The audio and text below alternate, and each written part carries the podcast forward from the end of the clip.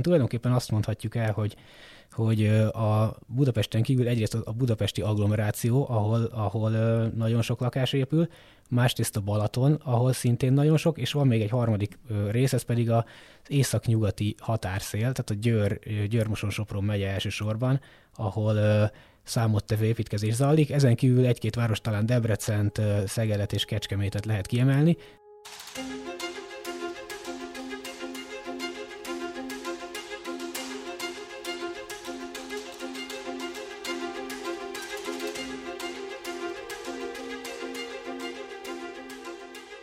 Jó napot, sziasztok! Ez itt a Portfolio szerdánként megjelenő heti podcastje. Én Orosz Márton vagyok, és itt van velem a stúdióban kollégám, Futó Péter, a Portfolio ingatlan elemzője. Szia Péter!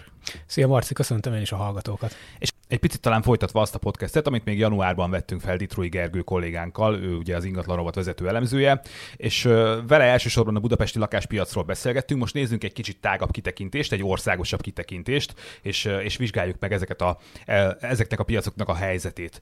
Peti, van egy állításom, talán induljunk ki ebből, ez pedig úgy hangzik, hogy 10-15 éve tavaly fordult elő először, hogy a vidéki lakások jobban drágultak, mint a budapestiek. Mi okozta ezt a helyzetet? Igen, ez most egy nagyon izgalmas folyamat a hazai lakáspiacon. Tény, hogy te is mondtad, hogy általában a budapesti lakáspiacsal szoktunk nagyon sokat foglalkozni, de alapvetően ebből kiindulva, hogy most tavaly azt tapasztaltuk, hogy a vidéki lakáspiac jelentősen nagyobb mértékben drágul, mint a budapesti. Érdemes azt gondolom, hogy erről is beszélni. Viszont mielőtt ennek az okaival foglalkoznánk, szerintem érdemes egy kicsit kitekinteni, illetve arról is pár szót ejteni, hogy tulajdonképpen mi milyen tényezők vannak hatással egyáltalán a lakásárakra, amik befolyásolják az árakat. Alapvetően itt a, nyilván a kereslet és a kínálat viszonyát kell elsőként megemlíteni. Itt azt lehet elmondani, hogy 2019 óta tulajdonképpen a, a Budapesten kívüli piac szerepe folyamatosan erősödik, tehát értem az alatt ezt, ez alatt azt, hogy a tranzakció számokban a Budapest részaránya az valamelyes csökken, köszönhetően talán annak is, hogy kevesebb a befektetési célú vásárlás az utóbbi években, mint mondjuk 2014-15-16, tehát a, a nagy boom elején. Ezzel szemben viszont vidéken egyre, egyre nagyobb az érdeklődés a lakások iránt. A kereslet kínálat mellett természetesen a gazdasági helyzetet, az általános munkaerő piaci helyzetet is meg lehet említeni. Ez, a, ez az egyik olyan mutató, ahol nem lehet általánosságban vidékről beszélni, hiszen ezt egyébként fontos több szempontból is elmondani, hogy míg a budapesti piac az egy nagyon jól lehatárolható terület, addig a vidék alatt tulajdonképpen az nem egy, nem egy hivatalos közigazgatási egység, hanem vidék alatt értjük tulajdonképpen a Budapesten kívüli összes területet az országban, ami alatt tudjuk, hogy, hogy nagyon sok esetben például nagyon nagy különbségek vannak abban, hogy milyen munkalehetőségek vannak a különböző országrészekben. Fontos még ezek mellett a lakásárak és a jövedelmek arányát megemlíteni.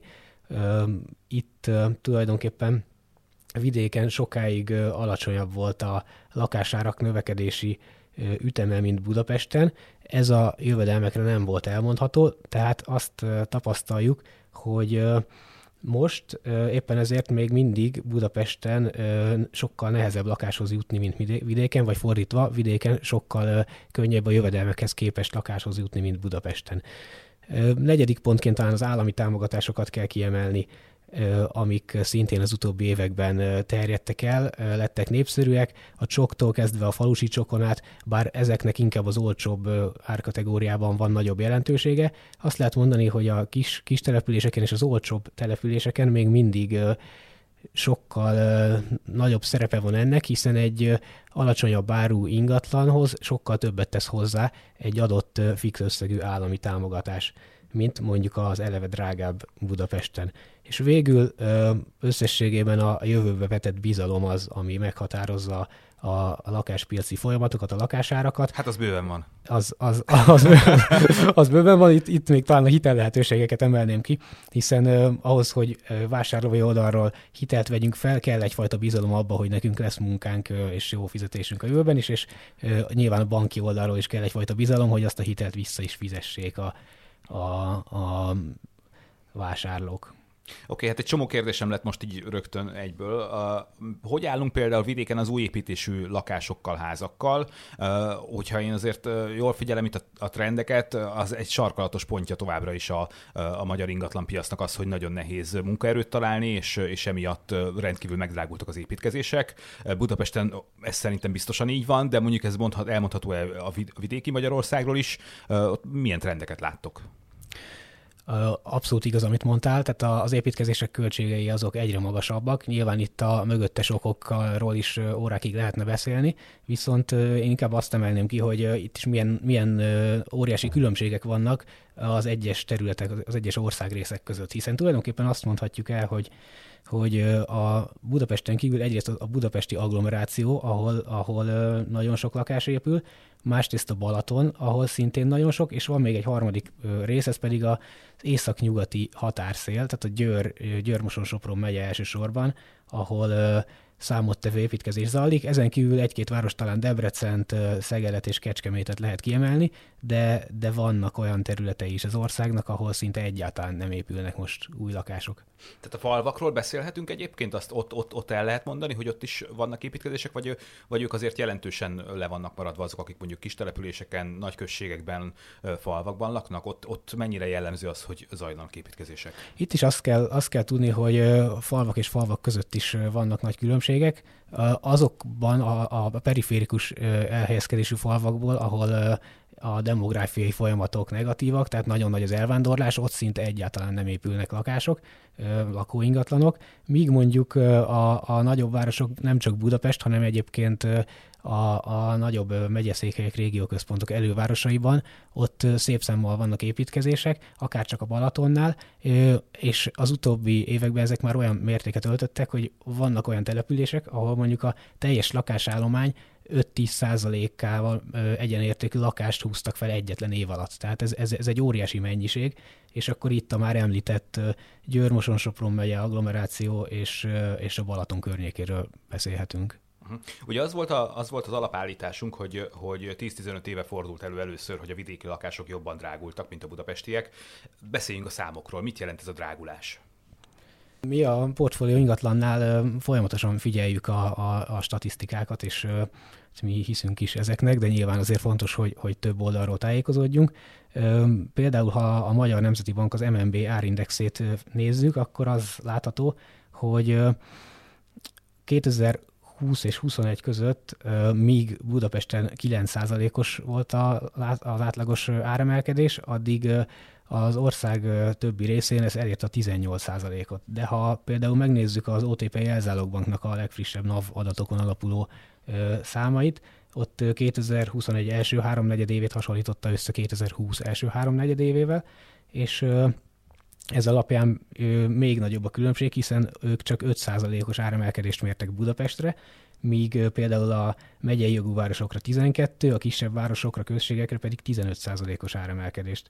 Igazából a KSH adatai is alátámasztják ezt, és hát mi is szoktunk rendszeresen felméréseket, elemzéseket készíteni szakértők megkérdezésével, és ők is azt mondják, hogy nem csak a már megvalósult adásvételek, hanem a jövőbe az előrejelzés kapcsán is azt mondják, hogy Budapesten nem valószínű, hogy 10% feletti áremelkedés lenne a következő évben, míg vidéken ez jócskán előfordulhat. És akkor itt nyilván megint ki lehet emelni a különböző országrészeket. Meglepő módon egyébként 2020 és 21 között olyan területek drágultak a legnagyobb mértékben, ahol nagyon alacsony volt a, a, a bázis. Tehát gondolok itt mondjuk Nógrád megyére, Heves megye déli részére, egy-két alföldi településre, de ott sem a megye székhelyekre, vagy akár ki lehet emelni Somogy megye egyes részeit.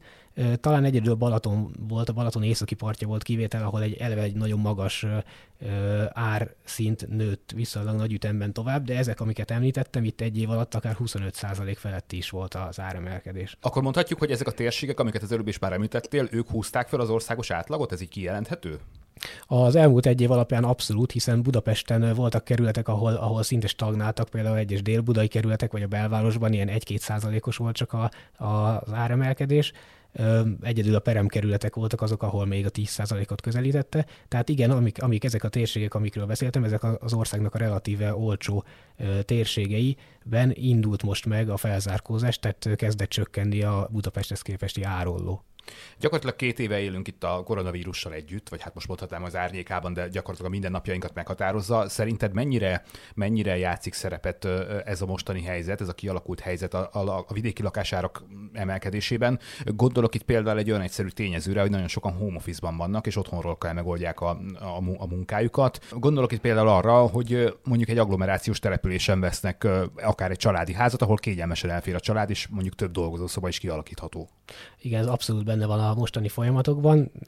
Biztos, hogy 2020-ban és 2021-ben a lezárások alatt nagyon-nagyon sok ember fejében megfordult az, hogy vajon mennyivel jobb lenne egy családi házban lakni kertel, saját kertel, mint mondjuk egy panellakás hetedik emeletén.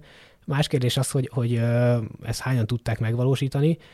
Biztos, hogy megjelent egy ilyen kereslet a, a, a vidéki lakáspiacon, a, a, a nyaraló piacon, tehát a Balaton környékén, a, a tavain környékén, a Tiszató környékén ez egy egyértelmű keresletnövekedést okozott, de a budapesti agglomerációban is egyébként például, ha most csak a saját, saját ismerősi körömből indulok ki, akkor ott is nagyon sokan vannak, akik fiatalok kisgyerekesként nem Budapesten, hanem a budapesti agglomerációban, tehát valamelyik elővárosba építkeznek vagy vásárolnak lakást, nyilván itt a családtámogatások is szerepet játszanak ebbe, viszont még ezt kiegészítve, visszatérve a lakásárakra, az a fordulat ez nem csak azért következett be, mert a vidéki lakások ára nagyobb mértékben kezdett növekedni, hanem a budapesti dinamikának a lassulása is szerepet játszott ebben hogyha az agglomerációról beszélünk, akkor azért nem menjünk el amellett, hogy nagyon komoly fejlesztések zajlanak Budapest agglomerációjában és a külső kerületekben.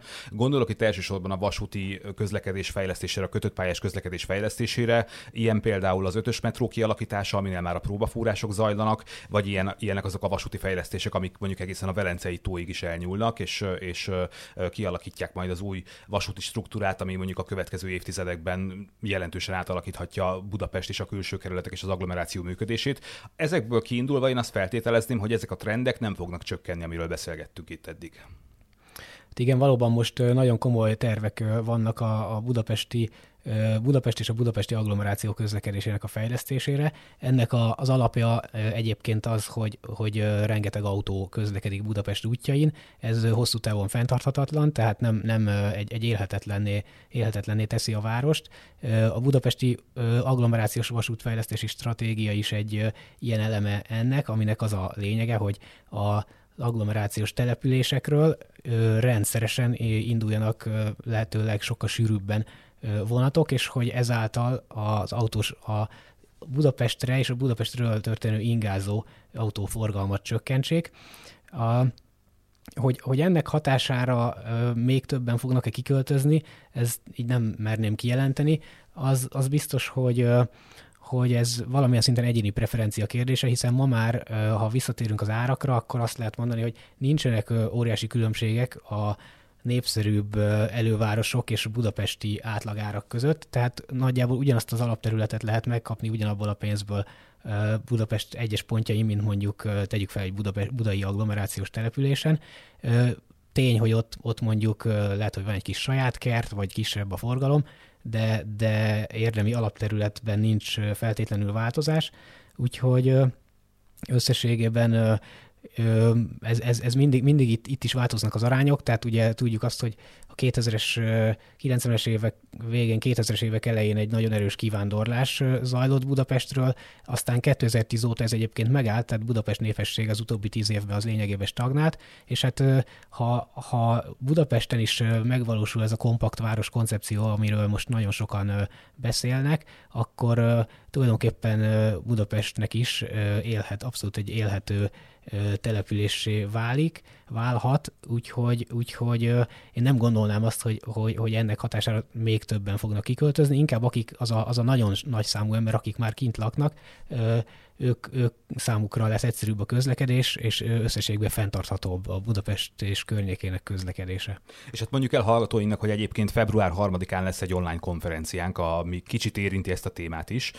Ez a Csepel Park konferencia névre hallgat, és a Csepel sziget északi részén tervezett közparkról, és az azt körülvevő lakóterületekről szól, és hát természetesen a közlekedés is hangsúlyos téma ebből a szempontból is. Így van, és többek között például Budapest Fejlesztési Központ vezérigazgatója Vitézi Dávid, illetve Fűries Balázs is jelen lesznek, és, és az ő, ő, ő szakértői előadásaikat is meghallgathatják a jelenlévők. Vannak egyébként olyan agglomerációs települések, amik most nagyon népszerűek szerinted? Vannak olyanok, amiket mostanában kaptak föl inkább? Ugye azért voltak itt klasszikusan nagyon gyorsan növekvő, hát most kicsit, kicsit csúnya kifejezéssel alvó települések, de hogy vannak most újabb, újabb destinációk, ahova kiköltöznek Budapest belvárosából, akár családok? Látsz olyan területet, ami, ami rendkívül gyorsasággal növekszik ebből a szempontból? Én azt gondolom, hogy nem, nem lehet egyetlen egy települést kiemelni, hiszen tulajdonképpen Budapest minden irányban, Budapest elővárosaiban minden irányban viszonylag erős ez a, ez a kiköltözés, vagy legalábbis erős volt az elmúlt évtizedekben. Az biztos, hogy, hogy az új építésű, illetve használatba vételi engedélyt kapott lakóingatlanok számából kiindulva az északnyugati, az északi és az északkeleti agglomeráció, ahol a legtöbb lakás épül, akár saját, akár befektetési célral, tehát tulajdonképpen ez a Budakeszi, még akár kijebb Budajenő, Zsámbék irányába, északon továbbra is népszerű Nagykovácsi, Solymár, és... És, és a Pilisi települések?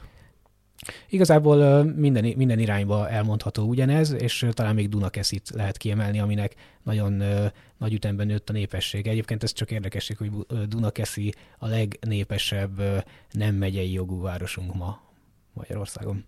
Hát az igen, az komoly növekedést jelent akkor valóban. Evezzünk egy picit messzebbi vizekre, és nézzük meg a Balaton. Szerintem sokan kíváncsiak arra, hogy mi történik a Balatonnál mostanában. Arról biztosan tudunk, hogy gigantikus szárodafejlesztések zajlanak egészen közel a vízparthoz. Ez szerintem az egész tóról elmondható, tényleg már a dél-nyugati csücskében is nagyon komoly fejlesztések zajlanak, és, és további hotelfejlesztések várhatók egyébként, és azt is tudjuk, hogy, hogy komoly szállodaláncok is érdeklődnek most már a Balaton iránt, olyanok, akiknek eddig, hát mondjuk, hogy mondjuk, hogy nem fér bele a profiljába az, hogy balatoni szállodát nyissanak, de most már úgy látják, hogy tartott a, a balatoni szállodapiac, hogy, hogy ők is, ők is megjelenjenek ezen, ezen a téren. De mi a helyzet a lakáspiacsal? Mennyire választható külön a nyaralópiac és a lakáspiac a Balatonnál?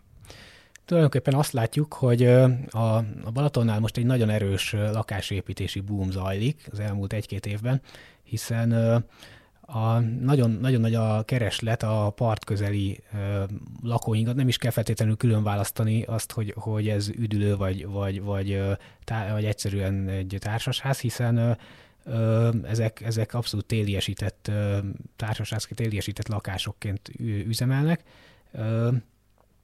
Itt is, itt talán a, 2020-as számokhoz nyúlnék vissza, hiszen az az, az, az év, amiről abszolút vannak adataink, hogy melyik Balatonparti településen hány lakást adtak át, és egészen elképesztő számokat látunk. Például Siófokon abban az évben egy év alatt 700 lakás készült el, és ezeknek a többsége a, a, a Balaton vízpartjához viszonylag közel, és ez egyébként egy, egy nagyon erős trend, hogy a fejlesztők igyekeznek a vízhez minél közelebb, minél több, minél több lakásos, minél nagyobb projekteket elkészíteni.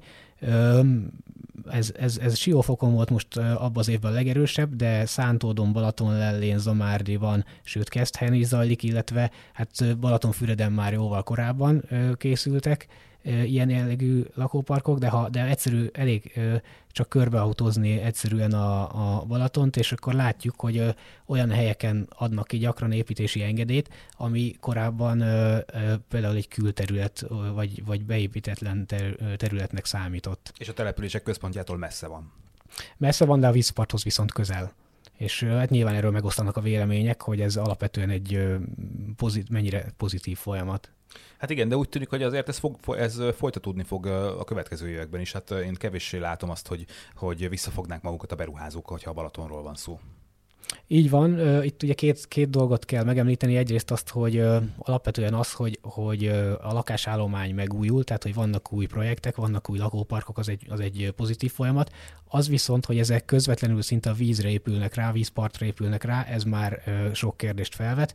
Itt ugye, ugye ennek, ennek akár limnológiai, ökológiai okai is lehetnek, vannak, tehát gyakran ezek például a nádasok rovására, a nádasok, amik ugye megtisztítják a, a Balatonnak a, a, a, a vizét, egy szűrő funkcióval rendelkeznek, ilyen területeken épülnek fel, illetve hát egy társadalmi okok is megjelennek, a, a, azok, azon lakosokkal szemben, akik mondjuk már évtizedek óta ott élnek, és mondjuk a, a kedvenc strandjuk ezáltal csökken, mondjuk egy szabastrand helyén kap helyet egy ilyen beruházás, vagy egy horgászkikötő helyén, tehát ilyen, ilyen környezeti és társadalmi problémák is megjelennek, amire fontos lenne odafigyelni az engedélyek kiadásánál. És mi a helyzet a Tiszatóval? Mennyire népszerű ingatlanpiaci, nyaralópiaci szempontból a térség? Gondolok itt arra azért, hogy jóval kevesebb a strand, mint mondjuk a Balatonnál, és hát azért körbeépíteni sem olyan egyszerű a, a magát a tavat.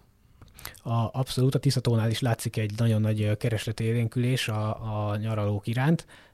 Nyilván teljesen más a célközönség, tehát aki a Balatonnál szokott nyaralni, nem feltétlenül fog keresni ettől kezdve a Tiszatónál egy lakóingatlant, viszont az biztos, hogy összességében a vízpartjaink iránt nőtt meg az elmúlt egy-két évben a kereslet. Itt a Velencei tavat is lehetne említeni, és fontos szempont még az, hogy a Tiszató jelentősen olcsóbb, mint a Balatonnál, Balaton, különösen azóta, hogy a Balaton e-, elképesztő módon megdrágult, már a budapesti árakat haladják meg a, a, az árak.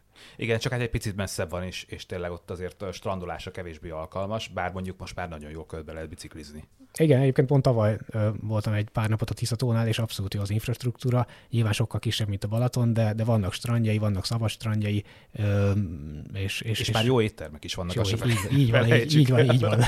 Ami talán legfontosabb. Hasonlóan érdekes ö, térsége az országnak, ö, amiről már kicsit beszéltünk, Győrmoson Sopron megye, Észak-Nyugat-Magyarország. Ugye itt is érdekes trendek mozgatják a, az ingatlan piacot. Gondolok itt arra, hogy nagyon sokan járnak Ausztriába dolgozni, vagy nagyon sokan Pozsonyból költöznek Magyarországra akár, hiszen itt jóval olcsóbb a, a lakhatásuk. Így van, tulajdonképpen ez az a térség az országnak, ahol az elmúlt években szinte így a lakosság a lakásállományhoz viszonyítva a, a, a legtöbb lakás épült, Győr, Győrben és Győr közvetlen agglomerációjában egy év alatt 3000 lakást adtak át, ami elképesztő szám, tehát tulajdonképpen az országban átadott lakásoknak több mint 10%-a az egyetlen megyében, azon belül is egy viszonylag kis térségben valósult meg, és hát érdemes megnézni azt, hogy, hogy milyen, milyen okok húzódnak meg emögött. Ahogy te is mondtad, igen, a határon ingázók körében ez egy nagyon népszerű. Egyrészt ugye Ausztriában viszonylag sokan dolgoznak olyanok, akik Győr és Moson-Magyaróvár környékén vásároltak lakást, viszont Ausztriába járnak át napi szinten akár ingázni. Meg kell említeni természetesen a, az Audi gyárat, ami ugye 1994-ben indította el a motorgyártást. Ez a környéknek azóta is a legnagyobb foglalkoztatója, és hát ez tulajdonképpen egy nagyon nagy gazdasági potenciált jelent a, a város és környékének számára. Egyébként Budapest után ma is Győr-Moson-Sopron megyében a legmagasabbak az átlag jövedelmek, ami szintén hatással van a lakáspiacra. Fontos még azt megemlíteni, ez az elmúlt években indult folyamat, hogy már nem csak Ausztria, hanem Szlovákia, tehát Pozsony és környéke is kapcsolatba került az itteni lakáspiacsal, hiszen a Pozsony környéki magas ingatlanárak, Pozsonyban egyébként közel duplája a lakásá, közel duplája egy lakás, mint Győrben, viszont az ingázás az abszolút megoldható. Éppen ezért Pozsonyban élők, tehát szlovák, Pozsonyban és Szlovákia azon részén élők is sokan költöznek át Magyarországra, nem mellékesen ők euróba kapják a fizetésüket, ami még kedvezőbbé teszik, szám, teszik számukra a lakhatást. Láttok-e olyan térséget az országban, amiben komoly növekedési potenciál lehet, de mondjuk eddig nem igazán beszéltünk róla, vagy nem volt annyira szem előtt? Látszik-e az, hogy mik lesznek a, a magyar vidék legnépszerűbb részei a jövőben? Akár vannak-e itt meglepetések? Nemrég voltam egy urbanisztikai előadáson, ahol a szakértők arról beszéltek, hogy, hogy mi teszi egy települést élhetővé, és vajon Magyarországon melyek lehetnek azok a települések, amik, amik a jövőben ennek megfelelnek. Itt is ki kell emelni azt, hogy, hogy azáltal, hogy egy település élhető, az emberek szívesen választják azt, tehát a népesség az nem fog csökkenni. Ugye tudjuk, hogy Magyarországon több mint 40 éve csökken a népesség, de ha egy térség mondjuk lehetővé tudja tenni azt, hogy népszerű legyen a lakosság körében, akkor tulajdonképpen egy pozitív demográfiai egyenlege lesz, és ez szintén hatással lesz a lakáspiacra is.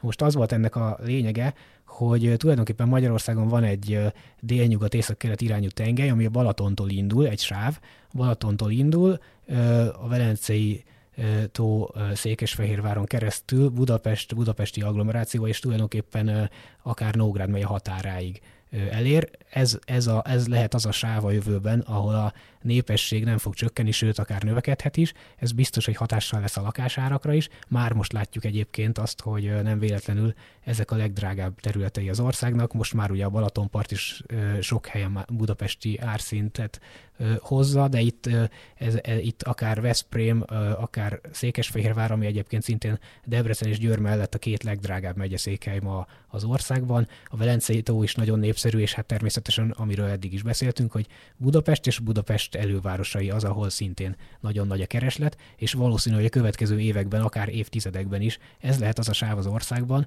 ahol ahol, ahol a, a, a lakáspiac továbbra is prosperálni fog. Beszélgetésünk végéhez közeledve adjunk gyakorlati tanácsokat is hallgatóinknak. Hogyha már itt vagy, akkor nem mulasztom el megkérdezni, hogy, hogy ha valaki most szeretne vidékre költözni, akár agglomerációba, akár egy nagyvárostól távolabb, kisfaluba, vagy egy erdei faluba, vagy valamilyen romantikus álma van, és azt most, most szeretné megvalósítani, akkor mire figyeljen, milyen buktatók lehetnek, vagy milyen szempontok szerint érdemes egy vidéki településen lakást vásárolni 2022-ben? Igen, egy ilyen döntésnél biztos, hogy nagyon alaposan körül kell járni a, a, az érveket, hogy mik szólnak mellette és ellene. Nyilván, ha valaki vágyik arra, hogy saját kertje legyen, akkor lehet, hogy ezt a vidéken fogja tudni megtenni a valamivel alacsonyabb árak és a, a nagyobb kínálat miatt, de az biztos, hogy ha mondjuk a munkája Budapesthez köti, akkor, akkor figyelembe kell vennie azt, hogy hogyan tud oda ingázni, mennyi, mivel jár ez, milyen, milyen utazási idővel, figyelembe kell venni azt is, hogy a jövőben milyen fejlesztések várhatók, akár az, a, az adott településen, akár a közlekedésben lesz-e kötött pályás közlekedés, illetve természetesen figyelni kell arra is, hogy ez milyen plusz anyagi terhet fog róni a családi kasszára, hiszen tudjuk azt, hogy mondjuk az autóval való ingázás azért komoly többletköltséget jelent, illetve még egy dolgot érdemes figyelembe vennie, hogy Budapesten milyen fejlesztések várhatók ott, ahol, ahonnan ő elköltözik, hiszen Tudjuk azt, hogy nagyon komoly fejlesztési koncepciók vannak Budapesten is, és elképzelhető, hogy egy 10-15 éven belül az adott környék is teljesen megváltozik, és sokkal élhetőbb lesz a mostaninál. Futó Péternek köszönöm szépen a beszélgetést, szerintem érdekes témákat érintettünk, és hát azt megígérhetjük hallgatóinknak, hogy rendszeresen fogunk foglalkozni az ingatlan piaccal itt a Portfolio heti podcastjeiben, és ne felejtsetek el minket bekövetni YouTube-on, Soundcloud-on, Spotify-on és Apple Podcast-en is. Köszönjük a figyelmet, sziasztok, viszont hallásra! Sziasztok, köszönöm!